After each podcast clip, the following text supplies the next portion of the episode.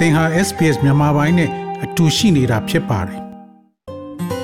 SBS မြန်မာပိုင်းကို အင်ကာနဲ့စနေနေ့ည10:00နာရီမှနားဆင်နိုင်တယ်လို့အွန်လိုင်းကနေလည်းအချိန်မီနားဆင်နိုင်ပါပြီ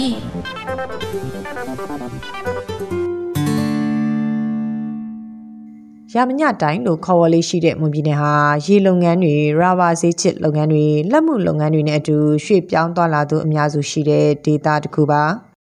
ဒေသခံလူငယ်တွေအတွက်လည်းမိယိုးပလာလုပ်ငန်းတွေကဘဝရက်တည်နိုင်ရေးအတွက်ပံ့ပိုးနိုင်ခဲ့ကြပါတယ်။ဒါပေမဲ့စစ်အာဏာသိမ်းကာလကိုလကြာမြင့်ချိန်မှာတော့လူငယ်တွေအပါအဝင်ပြည်သူအများစုဟာနိုင်ငံရေးအခြေအနေကြားမှာအခက်ကြုံလာခဲ့ရပါတယ်။လူငယ်တွေအတွက်တော့အရင်ကဆိုရင်နယ်နိမိတ်ထိစပ်နေတဲ့ထိုင်းနိုင်ငံကိုရွှေ့ပြောင်းသွားလာလုပ်ခဲ့ကြတာတွေလည်းရှိသလိုဒေသတွင်းလုပ်ငန်းတွေအလုပ်အတွက်အထောက်အကူပြုတင်နန်းတွေကိုတက်ရောက်နိုင်ခဲ့ကြပါတယ်။ လက်ရှိအချိန်မှာတော့လူငယ်များစုဟာအလောက်ကင်တွေပါလာသလိုစာသင်ခန်းတွေကနေလည်းနားနေကြရပါပြီ။မွန်ပြည်နယ်အတွင်းကလူငယ်တွေအရေးနဲ့ပတ်သက်ပြီးလှုပ်ဆောင်နေတဲ့မိဆိုင်စွမ်းက လူငယ်တွေကဒီလုံခြုံမှုမရှိတော့ဘူးနော်လုံခြုံမှုမရှိတဲ့အတွက်ကြောင့်ဒီစိတ်ပိုင်းဆိုင်ရာရောဒီလူတွေလူငယ်တွေအပြင်ထွက်ရင်ရောဒီလုံခြုံမှုမရှိတော့ဘူးဒီမတရားဖမ်းဆီးတာတွေမတရားရိုက်နှက်တာတွေမတရားထောင်ထဲထည့်ပြီးတော့တပ်ဖြတ်တာတွေပေါ့နော်လူမဆန်တဲ့လုပ်ရက်တွေကိုလူငယ်တွေအများဆုံးကြုံရတယ်ကွာအပြင်တွားရင်လည်းဒါတွေအရင်တော့လွတ်လွတ်လပ်လပ်တွားလို့မရဘဲနဲ့အခုချိန်ထိကျမတို့ဒါတွေသတိထားပြီးနေနေရတဲ့အခြေအနေမှာဖြစ်တယ်ပေါ့နော်ဒီတာသူတို့ target ထားတဲ့ဟာတွေလည်းလူငယ်ကိုအဓိက target ထားဖြစ်တယ်ပြီးရင်နောက်တစ်ခုက ဒီလူငယ်တွေမှာကြုံတွေ့တဲ့အခက်ခဲကတော့အများကြီးပဲပေါ့နော်အများကြီးဆိုတာဒီလူတယောက်ချင်းစီဒီမိသားစုတစုချင်းစီရဲ့အခက်ခဲတွေကသူ့ story အလိုက်တော့ရှိမယ်အဲ့ထဲမှာအများဆုံးကခြုံလိုက်မယ်ဆိုဒီပညာရေးနဲ့ဆိုင်တဲ့အခက်ခဲတွေပြီးတော့အလုပ်ကင်ခွင့်လန်းနေပေါ့နော်ဒီနှစ်လပိုင်းကနေစပြီးတော့အလောက်ကင်နဲ့ပတ်သက်တဲ့ဟာတွေတော်တော်များများအာစက်ယုံတွေပိတ်တယ်ကုမ္ပဏီဆိုလည်းပိတ်တယ်ပြီးတော့မှဒီတခြားဖွံ့ဖြိုးရေးကဏ္ဍမှာလုပ်တဲ့အလုပ်ငန်းတွေတော်တော်များများရပ်နားလိုက်ရတဲ့အခြေအနေဖြစ်တယ်ပေါ့နော်ဒါဒီလူငယ်တွေကြုံတွေ့နေရတဲ့အာ စိန်ခေါ်မှုတွေနောက်တစ်ခုကဒီပညာရေးနဲ့ဆိုင်တဲ့ဟာတွေဆိုရင်လည်းဒီအင်တာနက်တွေကိုစပြီးဖြတ်တောက်လိုက်တဲ့ချိန်မှာမှာအာဒီဒီ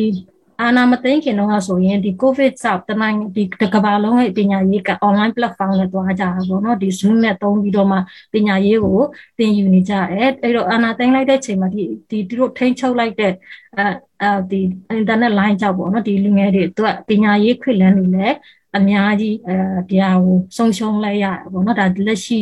အကြုံတွေ့နေရတဲ့အခက်ခဲတွေပါလို့မွန်ပြည်နယ်အတွင်းမှာတင်ပြီးခဲ့တဲ့နှစ်2020ရွေးကောက်ပွဲမှာပထမဆုံးမဲပေးခွင့်ရှိသူလူငယ်အရေးအတွက်ဟာတသိန်းခွဲကျော်ရှိတယ်လို့ပြည်내ရွေးကောက်ပွဲကော်မရှင်ရဲ့ထုတ်ပြန်ချက်မှာပါဝင်ပါတယ်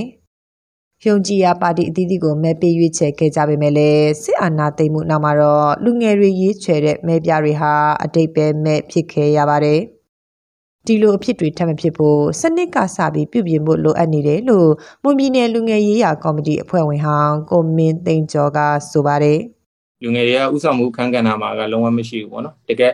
အာရေဘော်စီရှိနေတဲ့ elite ဆိုတဲ့လူဒန်းစားတလွှာကပဲအာရအလုံးကိုအုပ်ချုပ်ထားတယ်နောက်တစ်ခုကစီမံထားတယ်စီးပွားရေးအစပညာရေးအစကျွန်တော်တို့ပြည်တွင်းမှာသုံးနေတဲ့ပြည်တွင်းမှာတင်ကြားနေတဲ့တင်နန်းတွေအတင်ရိုးတွေပညာရေးစနစ်တွေကတကယ်တမ်း အထက်တန်းလောကလူဒန်းစားတွေစီးပွားရေးရှိနေတဲ့လူတွေအာနာအာနာတွေရှိနေတဲ့လူတွေကသူတို့ရဲ့သားသမီးတွေကနိုင်ငံခြားမှာပဲများတယ်ပေါ့နော်နိုင်ငံအာနိုင်ငံတကာတက္ကတက္ကသိုလ်တွေနိုင်ငံတကာမှာပဲပညာသင်ကြတယ်စီးပွားရေးတွေဆိုရင်လည်းအကြီးကြီးလုပ်ကြတယ်ပေါ့နော်ကျွန်တော်တို့နိုင်ငံမှာရှိနေတဲ့အောက်ခြေလူဒန်းစားတွေကကြတော့တုံရင်အတုံရင်ပဲကျွန်တော်တို့နေခဲ့တာနှစ်ပေါင်း80လောက်ရှိသွားပြီပေါ့နော်80ကျော်သွားပြီဆိုတော့ကျွန်တော်ရဲ့အနာဂတ်ကလက်ရှိအနေထားလူငယ်တွေရဲ့ပညာရေးနဲ့ဘဝရည်တည်ကိုကျွန်တော်တို့ပြင်ကြည့်မယ်ဆိုရင်တော့ အနာဂတ်ပန်းနဲ့ပြောင်းနေပါတယ်လို့ပြောချင်ပါတယ်2014တကောင်စီရင်အရမှုပြည်နယ်အတွင်းမှာနေထိုင်သူစုစုပေါင်းရဲ့82ရာခိုင်နှုန်းဟာကျေးလက်နေပြည်သူတွေဖြစ်တယ်လို့ဖော်ပြထားပါတယ်။စစ်ကောင်စီကအင်တာနက်သုံးစွဲမှုကိုကန့်သတ်လိုက်တဲ့အခါမှာတော့ကျေးလက်နေလူငယ်တွေအတွက်စာတင်ကြားတာတွေချိတ်ဆက်ရောင်းဝယ်လုပ်ကိုင်တာတွေမှာအခက်ကြုံလာခဲ့ရတယ်လို့ဒေတာခန်တွေကဆိုပါတယ်။ နီးစက်ရာကိုချိတ်ဆက်တင်ကြားဖို့တွာလာတဲ့အခါမှာလဲစစ်ကောင်စီရဲ့စစ်ဆေးဖန်ဆီးမှုတွေကြောင့်ပညာလေ့လာသင်ယူပိုင်ခွင့်အရေးမှာချိုးဖောက်ခံနေရတယ်လို့ပြောလာသူကလူအခွင့်အရေးလှုပ်ရှားသူတူဖြစ်သူကိုအောင်အောင်ပါအရင်တုန်းကဆိုရင်တော့အဲဒီအခွင့်အရေးတွေထဲမှာဆိုရင်တော့လွတ်လပ်စွာလူငယ်တက်ဆိုရင်တော့လွတ်လပ်စွာပညာသင်ယူခွင့်တွေအဲအဲ့ဒီအဲ့ဒီပညာနဲ့ပတ်သက်ပြီးပညာရေးနဲ့ပတ်သက်ပြီးတော့စပြီးတော့ကျွန်တော်ပြောချင်ပါတယ်အမြင်လေးပေါ့နော် အရင်တော့ကိုဗစ်ကာလဒီနိုင်ငံရေးမဖြစ်ခင်ပေါ့နော်စစ်တပ်ကအာဏာမသိရင် online စနစ်နဲ့ပညာကိုဟိုကြိုက်တဲ့ပညာကိုကြိုက်တယ်လို့လွတ်လပ်တင်လို့ရတဲ့အနေအထားမှာရှိပါတယ်။ဒါပေမဲ့စစ်တပ်ကအာဏာသိမ်းပြီးနောက်ပိုင်းမှာတော့ကျွန်တော်တို့ဒီ internet line တွေဖြတ်တောက်တာတွေကတ်တက်တာတွေရှိတဲ့အတွက်ကြောင့်မို့လို့အရင်ကလို့တော့တိတ်လွတ်လွတ်လပ်လပ်ပညာသင်ကြားခွင့်တွေမရှိပါဘူး။အဲဒါကြောင့်မို့လို့အဲ့ဒီလွတ်လပ်စွာပညာသင်ကြားခွင့်နဲ့ပတ်သက်ပြီးတော့အခွင့်အရေးတော့ဆုံးရှုံးသွားတယ်လို့မြင်ပါတယ်။ လက်ရှိမွန်ပြည်နယ်လူဦးရေ2တန်းကျော်ရှိနေတဲ့တဲမှာတရားဝင်ရောတရားမဝင်မှာပြည်ပနိုင်ငံတွေကိုရောက်ရှိနေသူ၄သိန်း2000ကျော်ရှိတယ်လို့2014သကောင်စီရင်အရသိရပါတယ်။ COVID-19 တက်ရောက်မှုအခြေအနေကြောင့်အိမ်နီးချင်းထိုင်းနိုင်ငံကိုရွှေ့ပြောင်းသွားလာရမှာလဲမကြာခဏဆိုသလိုဖမ်းဆီးတာတွေခံခဲ့ရပါတယ်။ မော်လမြိုင်ရေတပ်ပြူစည်းရဲ့တဝိုက်မှာရှိတဲ့ဥယျာဉ်လုပ်ငန်းတွေကြားဖောင်လုပ်ငန်းတွေနဲ့ရာဘာဈေးချစ်လုပ်ငန်းတွေအပါအဝင်ရရအလုပ်တွေကိုလူငယ်တွေလုပ်ကိုင်းနေကြရတာပါစစ်အာဏာသိမ်းမှုကိုတော်လှန်ဖို့လိုအပ်တယ်လို့တစ်ဖက်မှာလည်းဒေတာတွင်းလိုအပ်ချက်တွေကြောင့်လူငယ်တွေအတွက်အလုပ်ကိုင်းခွင့်လန်းတွေကိုဖန်တီးပေးဖို့လိုအပ်နေတယ်လို့ကိုမင်းသိန်းကျော်ကဆိုပါတယ်လူငယ်တွေပဲဖြစ်ဖြစ်လူကြီးတွေပဲဖြစ်ဖြစ်ပေါ့နော် အဲကျွန်တော်လူငယ်တွေမှာလည်းတောတဲ့ရောက်တဲ့လူငယ်တွေရှိတယ်လို့မြို့ပေါ်မှာရှိနေတဲ့လူငယ်တွေလည်းရှိတယ်ဘလို့ပဲရှိခဲ့ရှိခဲ့ယုံကြည်ရလမ်းကြောင်းကိုရှောက်နေတဲ့လူငယ်တွေပေါ်မှာကျွန်တော်တို့ကအပြစ်မပြောပါဘာမှလည်းမပြောပါတော့ပေမဲ့လည်းရှိနေတဲ့အလောက်ကန်ခွင့်လန်းတွေကိုပေါ်ဆောင်ပေးဖို့အတွက်လည်းဒါလိုအပ်တယ်ပေါ့နော်ဒါလူငယ်တွေရဲ့လိုတယ်နောက်တစ်ခုကနိုင်ငံတော်ရင်းနှီးမြှုပ်နှံမှုတွေလာနိုင်အောင်လဲကျွန်တော်တို့လုပ်ပြီးမှကျွန်တော်တို့နိုင်ငံကပြည်내ထူထောင်ရေးကိုအများကြီးလုပ်လို့ရမယ်ဆိုတဲ့ဟာမျိုးကျွန်တော်တို့တွေ့ရတယ်နောက်တစ်ခုကပြည်တွင်းစစ်ပေါ့နော်ပြည်တွင်းစစ်ကိစ္စကတော့ကျွန်တော်တို့အာတေချာတယ်အာ တိုက်မယ်ဆိုရင်နှစ်ဦးနှစ်ဖက်နိုင်အောင်တိုက်ပါနောက်တစ်ခုကအမြန်ဆုံးနည်းနဲ့ကျွန်တော်တို့လုပ်ဖို့အတွက်လိုအပ်တယ်စစ်ကိုအာစစ်တိုင်းကျွန်တော်တို့ကအရေးယူနိုင်မှာတိုက်နိုင်မှာလုပ်နိုင်မှာကျွန်တော်တို့သွားချင်တဲ့ပုံစံကိုလင်းမြန်ရောက်မယ်အတေကြီးပစ္စည်းအာနှစ်နှေးလေးနဲ့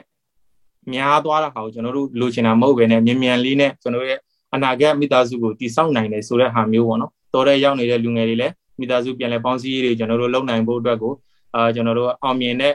တော်လိုင်းရင်တစ်ခုလုပ်နိုင်ဖို့အတွက်ကျွန်တော်တို့ကတော့ဆုတောင်းတယ်အော်ဘယ်ဘက်ကပဲဖြစ်ဖြစ်အကောင်းဆုံးနည်းနဲ့တရားတရားနည်းလမ်းတကျလွတ်ဆောင်ပေးဖို့အတွက်လည်းကျွန်တော်တို့ဒီကနေတိုက်တွန်းလိုက်ပါတယ်မွန်ပြည်နယ်အတွင်းမှာတင်တိုင်းရင်းသားလက်နက်ကိုင်အဖွဲ့တွေဖြစ်တဲ့မွန်ပြည်သစ်ပါတီနဲ့ကရင်အမျိုးသားအစည်းအရုံး KNU တို့ရှိတာပါတနိုင်ငံလုံးပြစ်ခတ်တိုက်ခိုက်မှုရစဲရေးသဘောတူစာချုပ် NCA မှာပါဝင်လက်မှတ်ရေးထိုးပြီးနောက်ပိုင်းမှာလည်းပြန်လည်ထူထောင်ရေးအတွက်လှုပ်ကန်ခဲ့တာတွေရှိခဲ့ပါတယ် 2021ဖေဖော်ဝါရီတရက်အာနာသိမ့်ပြီးနောက်ပိုင်းမှာတော့လူငယ်တွေရဲ့စိတ်ကူးအနာဂတ်တွေဟာပျောက်ဆုံးသလိုဖြစ်သွားခဲ့တယ်လို့မိဆိုင်ဆွမ်းကပြောပါတယ်စိတ်တက်ကြပြီးတော့ဘာမှမပြောပဲတိတ်နေတဲ့လူငယ်တွေအများကြီးရှိတယ်ဒီ personal အနေနဲ့ကျမတို့စကားပြောဖြစ်တာတွေရှိတယ်အဲ့လိုလူငယ်တွေကိုကျမတို့က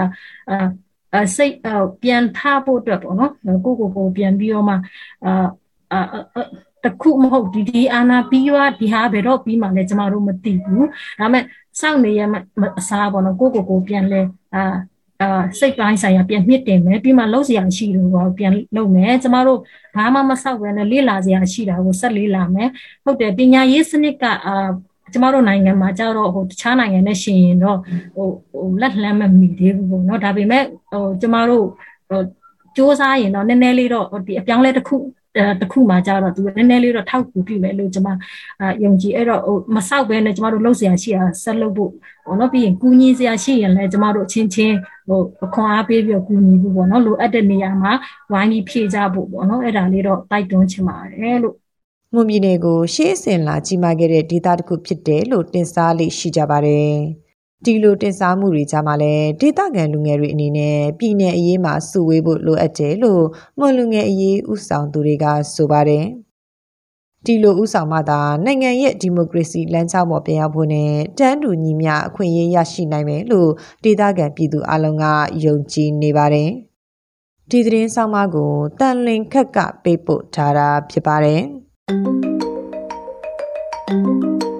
SBS Radio App ကို download လုပ်ပြီးနားဆင်မှတ်ချက်ပြုနိုင်ပါတယ်။ဒါရိုက်သို့မဟုတ်အချိန်မြေးနားဆင်နိုင်ပါပြီ။စစ်တမ်းမှာပါဝင်နိုင်သလိုဆက်သွယ်မှုလည်းပြုလုပ်နိုင်ပါတယ်။ Google Play ဒါမှမဟုတ် App Store မှာအခမဲ့ရယူနိုင်ပါပြီ။